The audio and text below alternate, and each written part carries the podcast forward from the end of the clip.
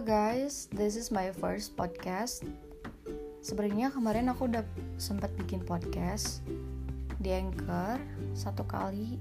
Itu cuma trailernya doang, which is isinya perkenalan dan semacam jadi kayak koleksi pribadi aku doang karena gak ada yang denger selain diri aku sendiri.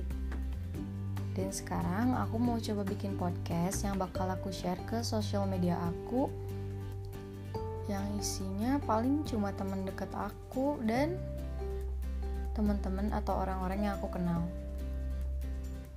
Jadi aku pikir kayaknya udah pada kenal ya sama aku. But aku mau kenalin ulang diri aku, nama aku Andini. Nih, tapi bisa dipanggil Andin aja. I'm 15 years old, aku kelas 10 di salah satu SMA swasta. Kegiatan sehari-hari aku cuma sekolah dan hobi aku nyanyi, sama nonton series Thailand.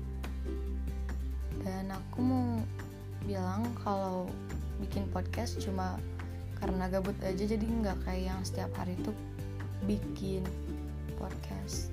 Dan aku cuma bakal ceritain hal yang aku pengen ceritain ke kalian aja yang aku rasa ada positifnya yang bisa kalian ambil dan aku harap kalau selama bikin podcast aku ada kesalahan tolong dimaafin aja ya soalnya aku baru banget dan aku masih kayak awam banget. Aku juga orangnya nggak terlalu yang pinter ngomong jadi maafin aja kalau misalkan nanti banyak salahnya.